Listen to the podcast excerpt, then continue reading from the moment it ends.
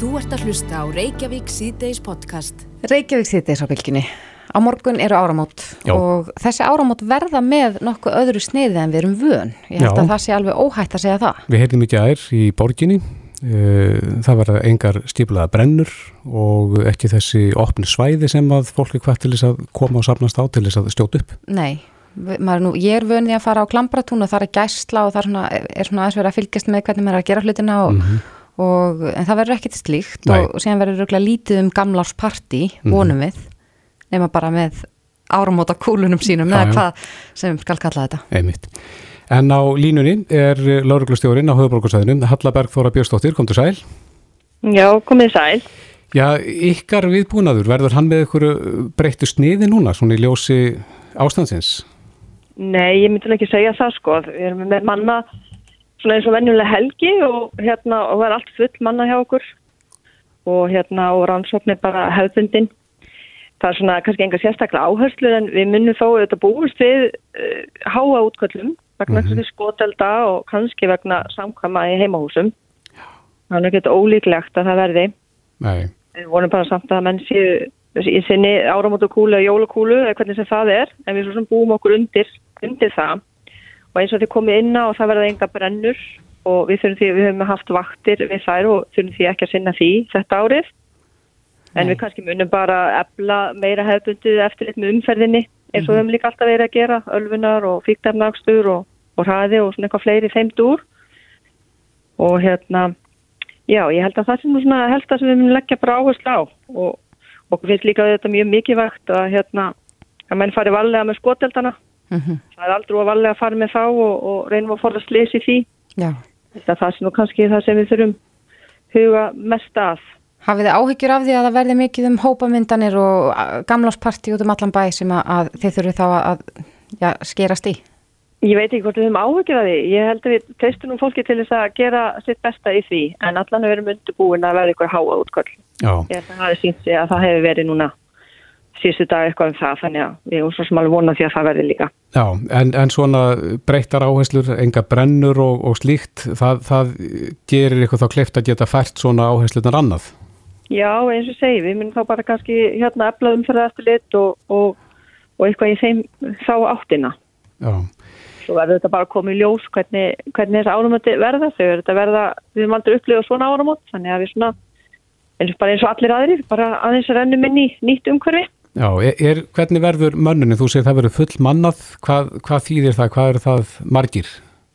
Ég veit nú ekki alveg akkurat tölun á því, en það er bara eins og við, við erum með venjulega, þannig að það bara lítur ágætlega út. Þannig að það er ekkert já, svona, sérstakt upp á teiningnum hjá ykkur nema það bara að, að sinna þessu almenna eftirliti og, og passa að allt fari svona nokkuð friðsamlega fram á þessum skrítnu áramótum. Já, við ætlum að reyna að gera það til besti getur. Mm En Halla, við erum svona aðeins að, að rifja upp uh, árið sem hefur verið skrítið fyrir margra hlu- hlutasækir en, en svona ef að þú horfir yfir árið í heilsinni, þú náttúrulega byrjaðir í nýri vinnu, tókst við þessu embætti núna á þessu ári, hvað finnst þér standa upp úr árinu? Ég held að þessi standinu upp úr, já mér árun eins og öllum, það er þetta COVID og hérna allar þessa áskorunni sem við þurfum að mæta Mm út af því og, og líka bara samtakamátturinn hjá okkur öllum, einhvern veginn takast á við, við þessa veiru. Mm Ég held að það sé og, og fyrir lörgluna þá er þetta, uh, já, hefur þetta verið mi miklar áskorunnis fyrir þá og, og eða fyrir lörgluna. Bara hólfaskiptingar sem við getum hugsað og mingur samskipti á milli stafsmanna Og búnað á milli vakta og, og bara svona hvernig við mætum verkefnun, já, taka með lengur tíma og svona, þannig þetta hefur verið já, bara mjög svona öðru í sig ár. já. Við heyrðum í gær í sjúkraflutningamönnum sem að eru ekki ánaði með hvar þeir eru staðsettir í forgangs, á forgangslistanum þegar það kemur að bóluefni. Hvernig er með lauruglumenn? Nú eru þið að fara í allskins aðstæður. Er, er kurmiða lauruglumanna hvar, hvar þeir eru stattir? Nei, ég myndi ekki segja það að það sé þannig. Ég held að við höfum líka svolítið skilna, skilninga á því að, að hérna, við erum þetta að hérna, bólusetta fyrst eh, þá sem eru í næst, næst þessum um sjúklingunum og líka eldra fólk -hmm. og hérna, við skiljum það bara mjög vel að, að það er takmarka bólefni Mhm. og hérna teistum okkar sóttarni yfirvöldum að, að, huga til, að hugsa til okkar sem erum síðan í, í þessum störfum Já. Auðvitað vildu allir fá bólefni sem fyrst. Það er bara ekki þannig og við verðum að horfa stegu við það. En þið eru uh, svo sannlega framlýna, en uh, hvar á listanum eru þið, þessum forgangslista? Hvenar búist þið Við við því minnum að? við séum í fjórða, fjórða hóknum. með sjúkraflutningamönnum. Já. Eh, Hafið þið mist marga, eða margt fólk út vegna COVID eftir, eftir hérna að hafa verið að meðhandla sjúkra? Nei, við hefum ekki gert það sem betur fer og ég myndi auðvitað bara segja það að það er þetta löglan, hún hefur bara farið mjög varlega og fyllt, fyllt eh, þessum reglum að, verja sig og verið búnaði. Þannig að það er nú þeim að þakka hvað það hefur gengið vel. Já, einmitt. Já, en mér heyrist þú bara horfa bjart sín uh, fram á nýtt ár. Já, ég trú ekki annað en að 2021 verið betur en 2020 sko. Já, Ef ekki að segja það, þegar við verðum búin að fá bólusetningu og getum farið að lifa lífinu aftur eins og við þekktum fyrir COVID. já, einmitt, við skulum vona það. Halla Bergþóra Björnsdóttir, lauruglistjóri á höfuborgarsvæðinu, kærar þakki fyrir þetta og gleðilegt ár. Eru takk og sömulegis. Þú ert að hlusta á Reykjavík C-Days podcast. Reykjavík sýtis á bylginni. Í þessum eh, þætti á næst síðasta degi ásins ætlum við svona aðeins að líti yfir árið sem er að líða. Já, Og við vitum það auðvitað að, að stór hluti af þessu ári hefur verið já, markar af skorti á ferðamönum hér á landi. En það er spurning hvað ætli sé framundan og hvernig þetta ár hefur verið fyrir eh, já, eina íslenska flugfélagið. já. Uh, Bói Níls Bóasson, fórstjóra Æslandir, hefur náttúrulega verið í öldu sjó, má segja, uh, allt þetta ár með sitt félag, kontur Selbói. Komið sæl.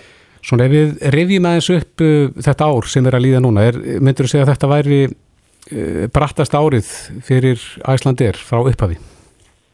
Ég held að við getum sagt að já, þetta sé mest skrefandi ár fyrir Æslandi er frá uppafu og líka bara fyrir flugkeiran í helsinni.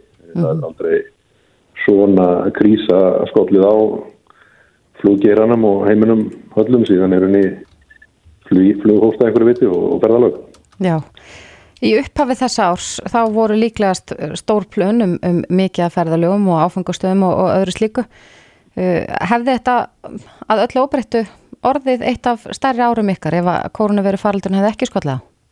Já, algjörlega og við vorum með metna fulla áallum fyrir árið og þessum að fyrstum tveir mánuðir alls gengur vel í okkar ekstri og bókunarflæðið var mjög stert fyrir háanuna þannig að útlitið var mjög gott og útlit fyrir eh, mjög gott ár og, og talsvægt umfang og hérna en síðan breytst þetta bara einnig nóttum má segja. Já, en þið náðu að sigla uh, fyrirtækin í höfn í það minnsta í, í, í bílið þar sem að það var nú farið í hlutafjárúbóð sem að hefnaðist bara glimrandi vel. Uh, hvernig metur þú næsta ár? á, nýtt ár handan við hodnið? Já, okkur tókst að tryggja fjárháslega gaf sérstöðu félagsins með útbóðun og samningum við helstuðu aðila félagsins og hérna við fyrir þá fara að nefna nokkuð brött inn í næsta ár en óvissina er einhver síðu mjög mikil. Við, það er mikil ferða viljið til staðar á okkar helstu mörgum, við finnum fyrir því en, en svona óvissan snýst um hvenar fer þetta stað, hvenar verður bóluefnir en orðið útbreytt þannig að fólk fari að fá heimil til að ferðast á millilanda svona nokkuð óheft, það, það líkur að sjálfsög ekki fyrir eins og staðin núna og, og það er óvísum sem allir er að glíma við. En það er ferða vilji klálega til staðar í áall okkar öllum morguðum, við finnum það mm -hmm. og við finnum fyrir mikil eftirspurn fyrir ferðalang til Íslands Ísland hefur mikil tækifæri núna eftir COVID og okkar magni og, okkar samstagsæðlar út í heimi staðfesta það fólk er frekar til í að fara hingað í landis og Ísland þar sem er mikið víðfemni, sterkir innviðir og öryggi og við höfum höndlað COVID-krísunar nokkuð vel hér á landi í samanbyrði við marga aðra. Það ekki bara eru sannallir staðar en, en óvissan sumulegis. Já, í gerð var byrjað að bólusetja hér á landi og það verður gert í áfengum núna með vorinu. Sjáu þið strax einhverja breytingu á bókunum hjá okkur? Er fólk byrjað að bóka fyrir næsta sumar eða, eða næsta haustjafil? Eitthvað og hún leiði á svona fóra að berast í ákvaða fréttir af bólefnum þá svona, hjá segja, hjókst bjassinin á þessu markaði var almennt og, og svona og, og fólk voru að hafa samband og bóka en hérna síðan er það þannig að landamæri, landamæri eru enn bara eiginlega má segja lokuð og það líkur ekki alveg fyrir hvenar það svo staða breytist og, og það sjálfsög hefur verulega neikvæð áhrif á bókunuflæði fólk bókunuflæði vantilega tekur ekki alveg við sér fyrir en að það verður meiri fyrirsjánleiki hvað varðar takmarkanir á landamærum hér á Íslandi og annar staðar Mm. Þú segir í viðtali við markaðinn þar sem að þú varst valin maður ásins eftir uh, uppbyggingu að Íslandi er á þessu ári að, að það sé óraunhæft að reka tvö flugfylg hér á, á Íslandi. Hvernig stýrur það? Já, það sem ég er að segja að það sé ekki, ég telli ekki raunhæft til lengri tíma að reka tvö félög á Íslandi sem er að reka svo okkar tengibanka út frá keflaguflugli mm -hmm. uh, og það segir bara út frá sögunni og það er mín skoðun og, og líka bara við horfum á flugvöld út í heimi að þá er ekki tvö tengi flugfélög á flugvöldin en þetta séu hvað sé að flugvellir með miljóna eða 2 miljóna heimamarkaði og það er ekki þannig hér við erum og heimamarkaðin er mjög lítill hér á landi og er samt mjög mikilvægur Já. og það er bara mín skoðun að til lengri tíma sé ekki raunhægt að reyka tvö tengi flugfélög frá Íslandi sem er að tengja milli Evrópu og Norður Ameríku í gegnum Ísland en það er alveg plásverið tvö flugfélög og síðan verður verða mjög mörg alþjóðlega flugfélög að fljúa til og frá Íslandi hér eftir sem hinga til. Þannig að samkeppni verður áfram mjög mikil. Þetta er bara mín skoðun að Íslandi er allt og lítið land með allt og lítið heimamarkað til þess að bera tvö tengi flugfélög en það kemur ekki veg fyrir það að það geti verið tvö flugfélög Nei, Skiljið. akkurat en á hvað verður áherslan lögð hjá Æslandir núna á komandi ári? Verður það að, að fá erlenda ferðamenn hinga eða, eða koma okkur út? Það verður á bæði en eins og við vorum svolítið í hérna 2019 áður COVID skall á og þá vorum við áherslun á markaðan til Íslands við verðum með það áfram eftir að COVID hverfur á brönd og þar verður fókusun okkar en, en samt erum við með fókusun á þess að þrjá markaði sem við erum að vinna á. Það er markaðan til Íslands frá Íslandi og síðan á milli heimsálana, Evrópa og Norður Ameríku í gegnum Ísland. Og við vinnum áfram á þessum þreymur kjarnamörkuðum okkar. En fókusun e, var seldur svolítið, færður á frá Vía yfir á til Íslands á 2019 og við reiknum með að vera með þá áherslu aðeins áfram Mm -hmm. Það hlýtur að vera nokkuð stórt verkefni að markasetja Ísland aftur sem sko örugan og, og ákjósanlegan stað fyrir erlenda ferðamenn. Muni þið að einhver leiti taka þátt í því með já, stjórnvöldum? Já, það sjálfsög við leggjum á allt mikla fjármön í markasetningu á Íslandi erlendist. Það skiptir miklu máli fyrir okkur sem, sem flugfélag og við höldum því áfram en það við hafa mjög mikilvægt að að stjórnvöld á Íslandi ákveða að setja 1,5 miljard í markasetningu á Íslandi sem ferðamannalandi og þeir fjármönnum munu koma á góðu nótum á næstu mánuðum. Já, en þegar að best leta þá voru þið svolítið allt um lítjandi inn á markaðnum þar sem þið, þið ákveð hótel og svona ímsa hliðarbúgrein ásamt flugrekstri. Hvernig sérðu það fyrir í framtíðinni? Já, við tókum ákvörðunum það fyrir einhverjum misserum síðan að setja áherslun á það að reyka flugfélag og vera í flugrekstri. Reyka flugfélag tengdum rekstri má segja og hætta því að vera í alliða ferðarkjónustu starfsemi og þar leðandi seldu við með hlutu okkar í hótturfélaginu í mæ á þessu ári.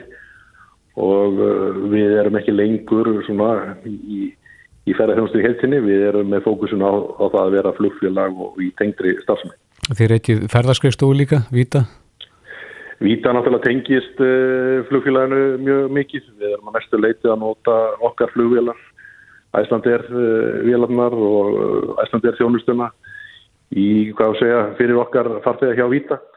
Þannig að það er mjög mikið samleið og það er uh, starfsefn sem tengist flugfélaginu mjög mikið og vel. Mm -hmm.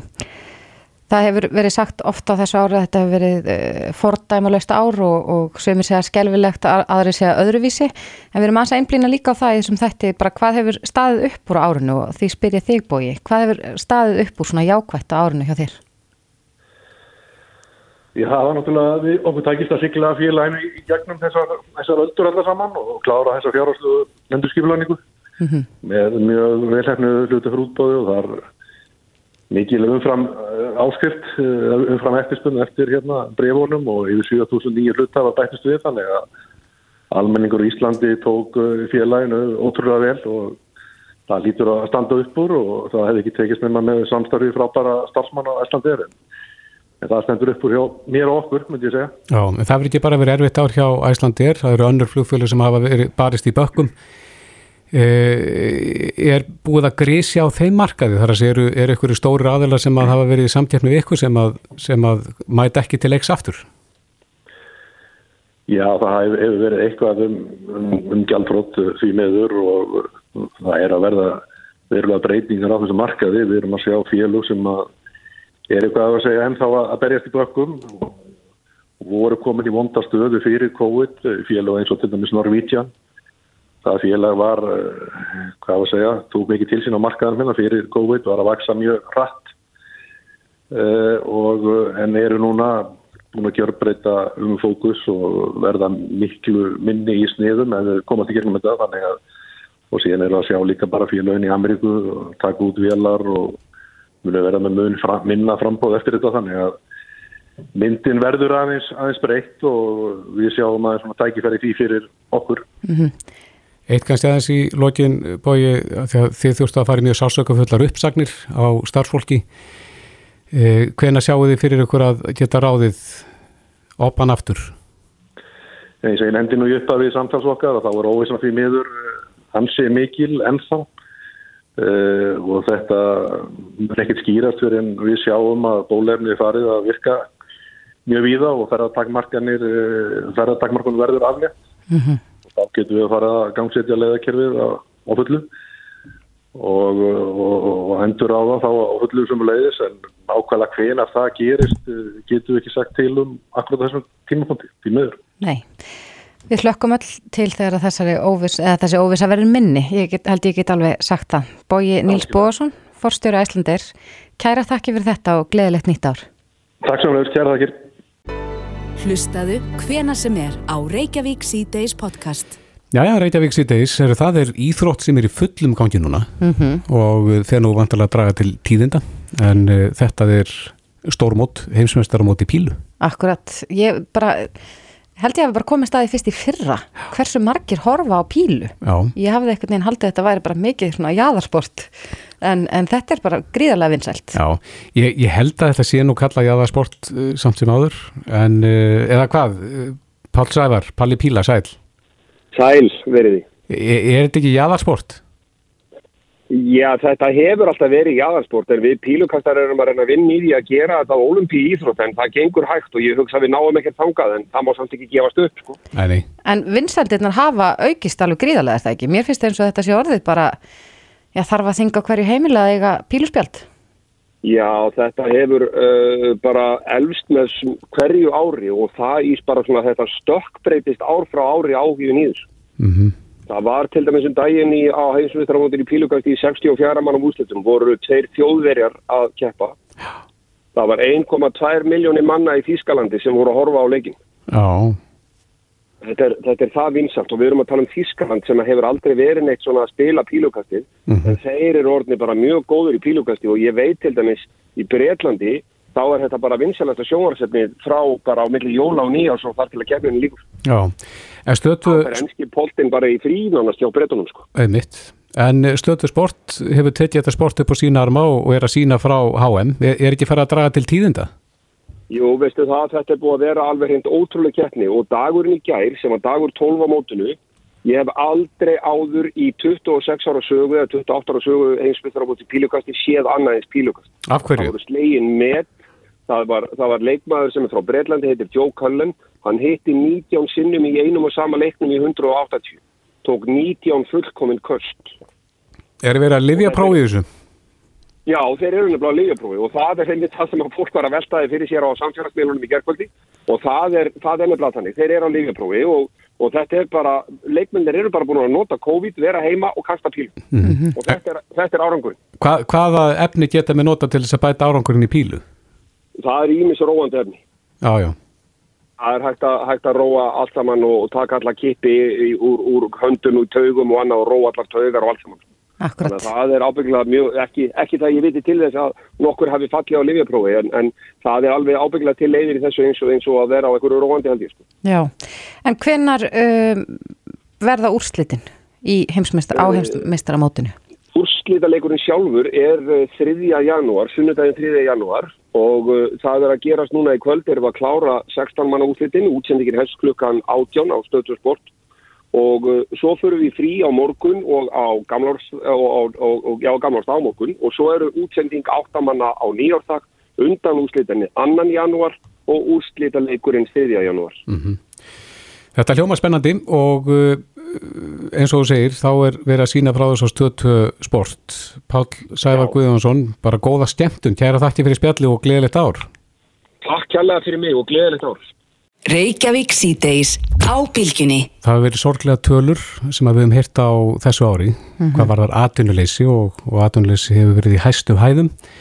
Síðast í gær, þá sagði Björn Lefsson í Vörglas að, að þeir þurft að segja upp 90 starfsmönum. Já og þetta hefur þetta haust svo litið engjast af því og bara þetta ára að hóp uppsagnirnar hafa verið margar mm -hmm. og fjölmarkir sem eru ánatvinnu. Einmitt.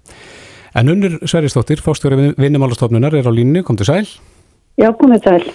Já, núna þessum tíma þegar við erum að gera upp árið og svona þess að kíkin í framtíðina, hvernig er staðan hjá þinni stofnun í dag?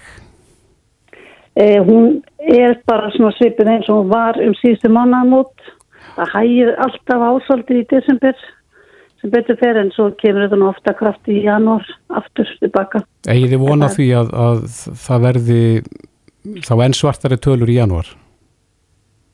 Ég hef allavega ekki vonað einhverju mikill bót í janúar ef ég sé annars verð en, en vonandi til að fyrir að lína á svona útmánu en að nálgast að þá fyrir vonandi að sjá eitthvað aðeins til lands og, og byrta til yfir afnilífinu, ég vona það svo sannlega. Mm -hmm. Samkvæmt þeim tölum sem ég allavega kemst næst þá mælist atvinnleysi nú 7,1%. Uh, búist þið við því að þessi, þessar tölur hækki uh, eitthvað verulega á svona næstunni? Sko atvinnleysi í november það var 12%. Það, það var sem sagt 10,6% í almenna atvinnuleysinu og 1,4% í, í hérna minkaði starfstöldinu þannig að það var nú minn meira. Ég á vona því að ég er svona frekka býst ég að þessi tala haldið bara verði svona svipuð um áramótin allavega. Já, en hvað svo, hvað svo gerist í januar og til mars-april, það eru við ekki búin að greina eða neitt að spá fyrir um sko. Nei, en e, svona staðan á markanu, hva, hvaða atvinnugreinar eru þetta sem hafa helst liðið? Það er náttúrulega, ferðarþjónustan hefur náttúrulega verið stór biti? Ég það er náttúrulega fyrst og fremst ferðarþjónustan. Þar var það náttúrulega bara alveg fullkomið frost á mjög stuttum tíma. Já. Og svo hefur það bara verið að seitla sem er inn í samfélagið af svona afleitar greinar. Þetta hefur komið nýra á verslun og þjónustu. Þetta kemur nýra á samgöngu fyrirtækjum og, og bara nefndu það. Öllu, öllu þjónustustar sem hún hefur liðið fyrir þetta í raun og veru. Það hefur svona gert takt og rólega. En ég held líka samt, sko, það má kannski líka vera smá á jákvæðanóttunum. Ég held líka samt að aðgerðir sko ríkistjórnarna hafi, hafi gert mikið gagd þannig að það er með færri til dæmis skjaldfróð til dæmis óttast að Já, það er dempað höggið. Já, það er dempað höggið og það er kannski, kannski er það að taka sem allir er að vona að fyrirtækinn hafa geta kannski farið niður í svona eitthvað skona hýði og þannig að þessi er tilbúin þegar að allt fyrir að glæðast aftur og við fyrir vonandi að sjá ferðan en aftur koma til landsins. Mm -hmm. En svona ef þú, ef þú já, lítur tilbaka á þetta ár, við höfum oft hirtið þér á þessu ári og þú hefur þurft að bæta við starfsfólki og, og, og breyta ferlum og gera ímislegt. Svona í heldina litið, hvernig hefur þetta ár verið hjá vinnumálstofnun? Þetta hefur náttúrulega verið bara alveg gríðarlega mikill rúsipanni. Þetta er eitthvað sem er engan óraði fyrir akkurat fyrir árið síðan sko. Og það hefur bara verið eitt verkefni tekið við af öðru og við erum bara búin að vera að hlaupa og reyna að standa okkur og það er bara, ég er bara verið svo heppin og, og við að hafa svo gott starfsfólk sem að einhvern veginn sett allir undir svo hausin og voru bara tilbúinus. Það er alveg ómetalegt. Já, áttu vona því þegar að síðan fer að byrta til að það þurfi þá að stjera þess af? Já, ég hef líka vonað því sko við hefum verið að ráða mjög mikið að fólki sem að misti vinnuna í þessum ósköpum Já. Og ég hef alveg vonað því að það fólk vilji fara aftur í sín gamlu störf sko. Já.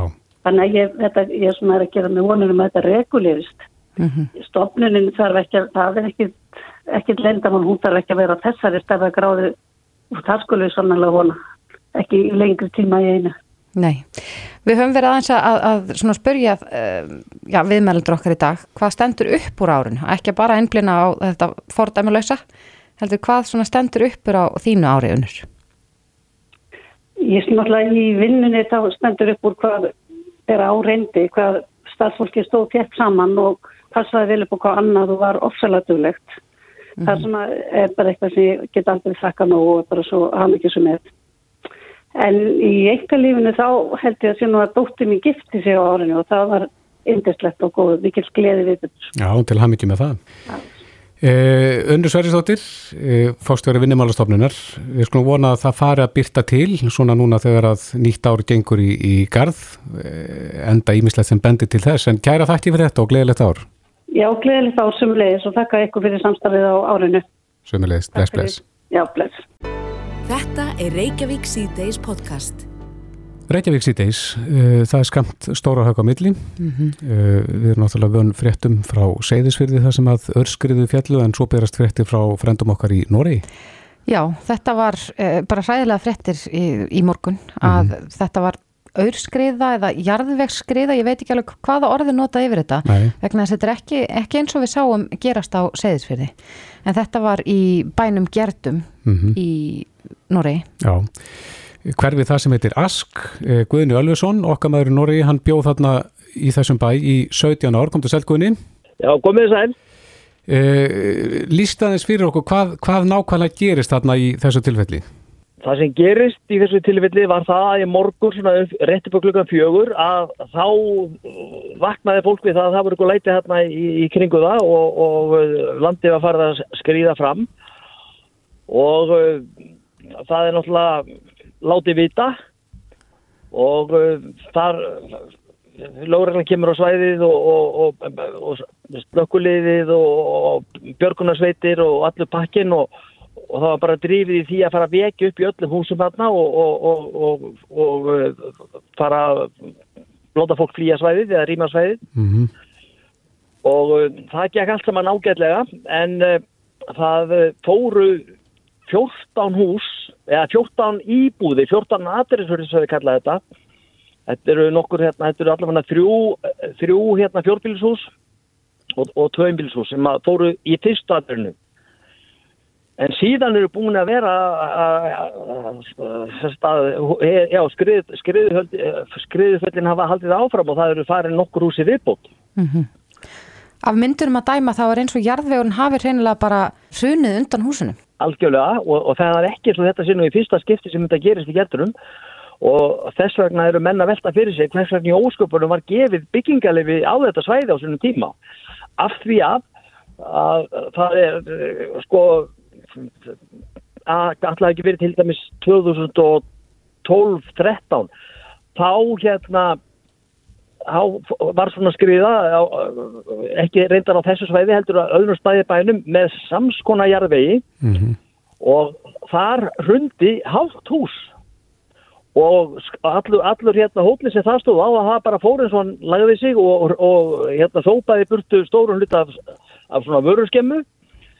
En þá var það ekkert mann tjón vegna þess að fólki sem bjóði húsinu það svafi þess enda húsi sem var vekkir upp á hólunum mm -hmm en uh, það er svona, mennur, mennur alveg undrat á þessu sko og ekki síst vegna þess að að uh, þegar að hafinn var stækkun sjúkra eða hjúgrunarheimilisins þarna á, á staðnum og, og heilsugjöldstöðurinnar þessi húsi eru á þessu svæði þá voru það tækni sérfæðingar hjá norsku, norska vastræjunum sem maður kallar það og, og, og þeir bara mótmæltu því harlega að það er því bara að byggja þarna helsugæslustuð og hjúgrunaheimili því að þetta væri alls ekki tryggt land. Nei, en hvernig það er ennþá verið að leita af, af fólki eftir þetta sliðis? Já, uh, uppálega fyrstu fréttin þar í morgun þegar ég kveikja útarpinu svona upp úr sex að þá var sagt að það veri það, það ein,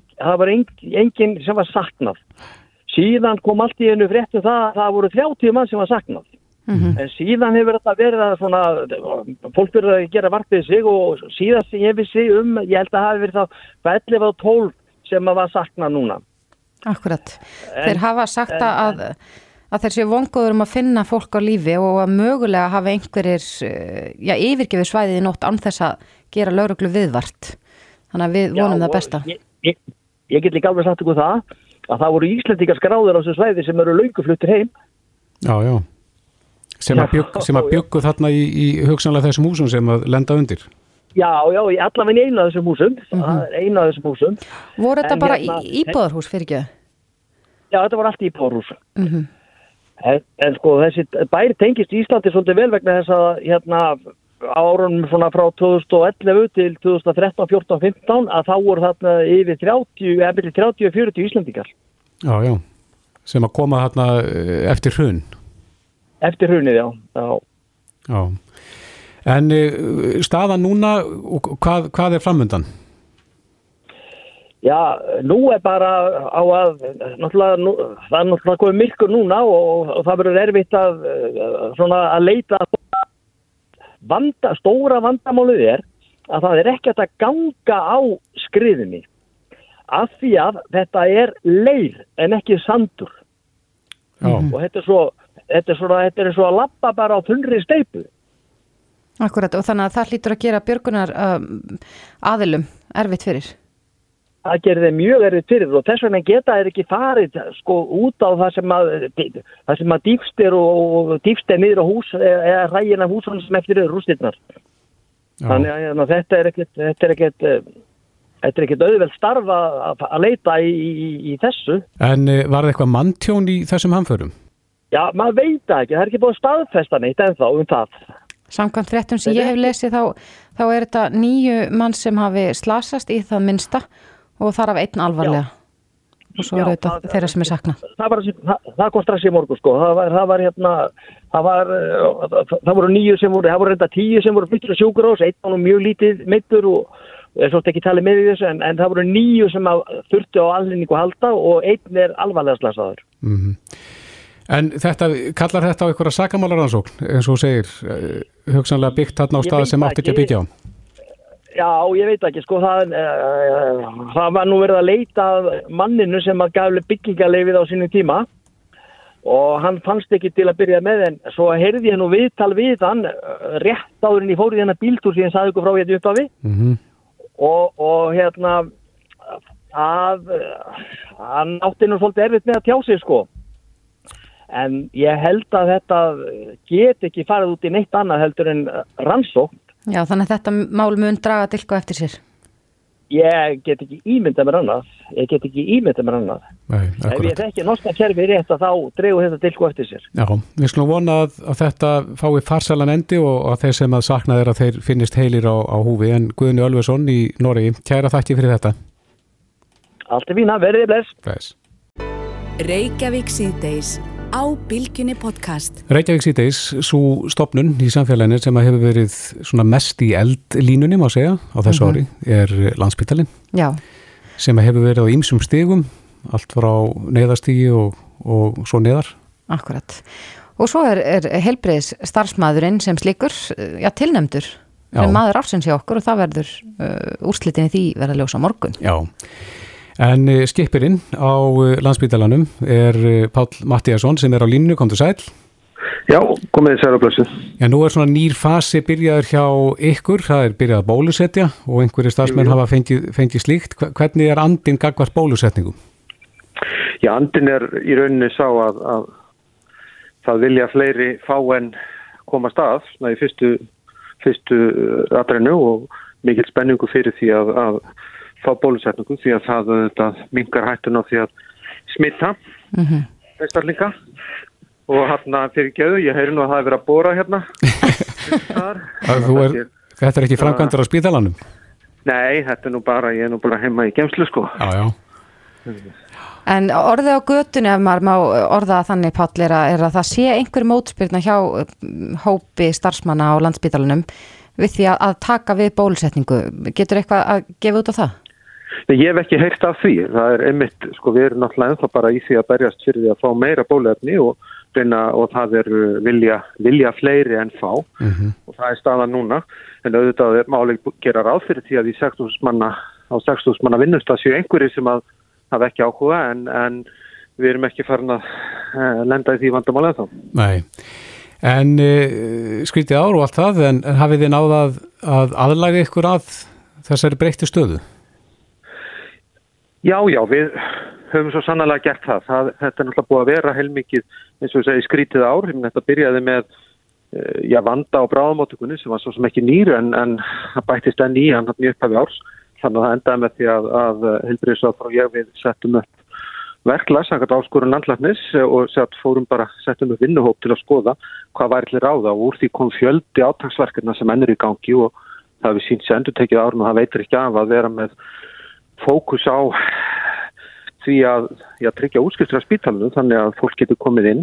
Var það þessi svo kallagi frá, fráflæðisvandi sem Já, að... eða útskriftarvandi eins og á. við kallum það nú, já. Mm og ég sjálf þess að það eru fjölmörg átagsverkefni í gangi sem að koma út frá því og, og veitir ekki af því að það má ekki mikið út að bera til að það skapist aftur útskriftarvandi og þá þurfum við að vera tilbúin og, og vera með fjöldaverkefni í gangi sem við erum með. Nú þetta var valla búið þessi krísa þegar að fyrsti sjúklingurinn greindist með COVID og, mm -hmm. og mhm. lagðist inn 28. Eh, februar og, og í rauninni hefur árið að miklu þetta verið undilagt af baráttunni við COVID og það hefur gengið ágætlega en auðvitað hefur þetta sérstaklega haust þegar að hópsíking hópsmitt kom upp þá var það mjög erfitt fyrir starfsfólksbítarnas mm -hmm. nú en við svona komumst í gegnum þetta allt en auðvitað með var því miður uh, skadið þar af en, en síðan við komumst í gerðum þetta og nú erum við að hefja bólusetninga þannig að það er svona kannski stærsta verkefni ásins. Nú síðan auðvitað er alltaf svona á bakvið uh, ákveðin fjárhagsvandi mm -hmm. við höfum verið í baróttu við að halda spítalunum innan fjárlega og það er rauninni tókst kvorki á síðast árunni árunni þar á undan 2018-19 Uh, á árunni 2020 hefur sko gengið bísna vel þrátt fyrir að aðvillin hafi alltaf farið að berjast gegn COVID. En eh, samt sem áður þá í rauninni fóru við fram á og stjórnvöld eh, voru svo almenlega að samþykja það að við getum í lagt til hliðar þann halla, eldri halla sem við þurfum að klíma við. En, en áskorunni verður samt ærin á næsta ári sérstaklega að berjast við og tryggja það að spítalinn haldi sig innan fjárlega sem að verður auðvitað að gera. Já, við vonum allavega að, að við séum svona að sjá fyrir endan á, á COVID allavega eins og við erum búin að sjá það þessu ári. Jú, jú, jú, jú. svo sannlega þá hefur þetta, þetta hefur alveg gengið vonum framann og, og hefur vakið aðtikli við um, um land hversu vel hefur gengið eins og til dæmis að setja þessa COVID-19 gangudeld og, og það hvernig við með margur sem hætti notuðum skimun og, og sótkvíu annars slitt sem er auðvitað miklu fleiri koma aðhaldur en bara starfsvöldlandsbyttanans eh, og, og við erum nú bara býstna bjart sín á þessu árið sem er að hefjast. Ef okkur tekst nú að vera búin að bólusetja landsmenn fyrir mitt áriðin sem að vona nú þá, mm -hmm. þá auðvitað er allt annað. Þá, þá vonandi færast heilbriðis mál úr brenni deplunum og, og og svona fókusnum því við hefum enga sérstaklega áhuga að vera þar. Pála, því þú nefnir þarna COVID-göngudildina, er þetta einstakt í sinni röða? Veistu til þess að, að svona göngudild sé eitthvað starfækt eitthvað annar staðar? Ég, ég veit að menn hafa tekið upp þetta fordæmi annar staðar, að, að, að tríja sér að velja vandlega inn, uh, að tryggja það að það sé eftirfyllt mjög reyns fagfólks á fólk sem er veikt og að tryggja svo að það fái viðegandi uh, meðferð korki og miklamni og, og litla. Og það er náttúrulega besta leginn til að, að tryggja að við nýtu sem best þá takmörkuðu öðlinn sem að ja, spítla rúm og, og fagfólk er. Og þetta vakti aðtegli, við vorum ábyggilega með þeim fyrst ef við ekki fyrst að gera þetta og þau fyrstu sem beittum þessu í miklu mæli. Og þetta hefur vakið aðtegli við en lönd og aðrir hafa reynd að e, fylgja þessu fordami. Akkurat, en Pál við erum aðeins að, að líti yfir það hvað stendur upp úr, svona jákvætt, hvað stendur upp úr mhm. jákvætt á árunu hjá uh, þeim sem við erum að ræða við í dag og því spyrir þig, hvað stendur upp úr á þín ári? Eh, það sem, það sem meinaru þá personulega eða... Já, bara bæði, bæði betra. Já, já, personulega bara stendur þau upp úr að, að börnunum mínum hefur bara gengið vel í skóla og, og og ég, við fjölskyldan fluttum líka á árunu sem eru auðvitað heilmikið áttak Mm -hmm. og við gerum ekki oft, þannig að það stendur upp úr personlega, en svona í vinnunni þá stendur auðvitað upp úr það að við skildum takast, okkur skildi takast vel þessi glíma við uh, COVID-19 farsóttina og síðan auðvitað það líka að, að okkur hefur tekist að glíma við þennan útskrifta vanda eftir því sem best er hægt. Er hann frá núna bara? Nei, hann er aldrei frá, þetta er eiliða verkefni, en við erum með 11 að 12 á, átagsverkefni sem lútað ímsum þáttum til að bæta flæði einstaklingar sem þurfi ekki lengur að vera á spítalanum, út af spítalanum og, og það er að skila árangur og ég gerir mig mikla vonur um að það munir skýra ennfrekar árangur næsta ári, þannig að ég held nú að sko þegar ég er lítið baka, það líka það að við skildum í rauninni ná þrátt fyrir allt að, að svona ná tökum á uh, sem sagt uh, fjárhag spítalans að miklu leiti þrátt fyrir það að fókus okkar væri meira og minna í að glíma við, við drepsótt sko að það er náttúrulega ótrúlegt líka. Og ég ef ég ætta að nefna ef ég ætta að nefna mann ásins þá væri það helbriðstafsfólk sem ég finnst við alveg það, það hvernig þetta stafsfólk spítalans og reyndar helbriðskjörnsins allt hefur staðið sig er alveg ótrúlegt. Við heyrim á morgun að, hvort að... Það verðskuldi mikið knús frá þjóðinni. Við heyrim á morgun hvort að hlustendur og lesendur vísi séu samanlæri því þegar, að, þegar maður ásins verður kynntur hér á bylgjunni en, en Pál Mattíasson, fórstjóri landsbyttalans, kæra þætti fyrir þetta og gleðilegt ár. Herðu, gleðilegt ár, hafið það sem best. Bless, bless. Reykjavík síðdeis á bylgjunni podcast.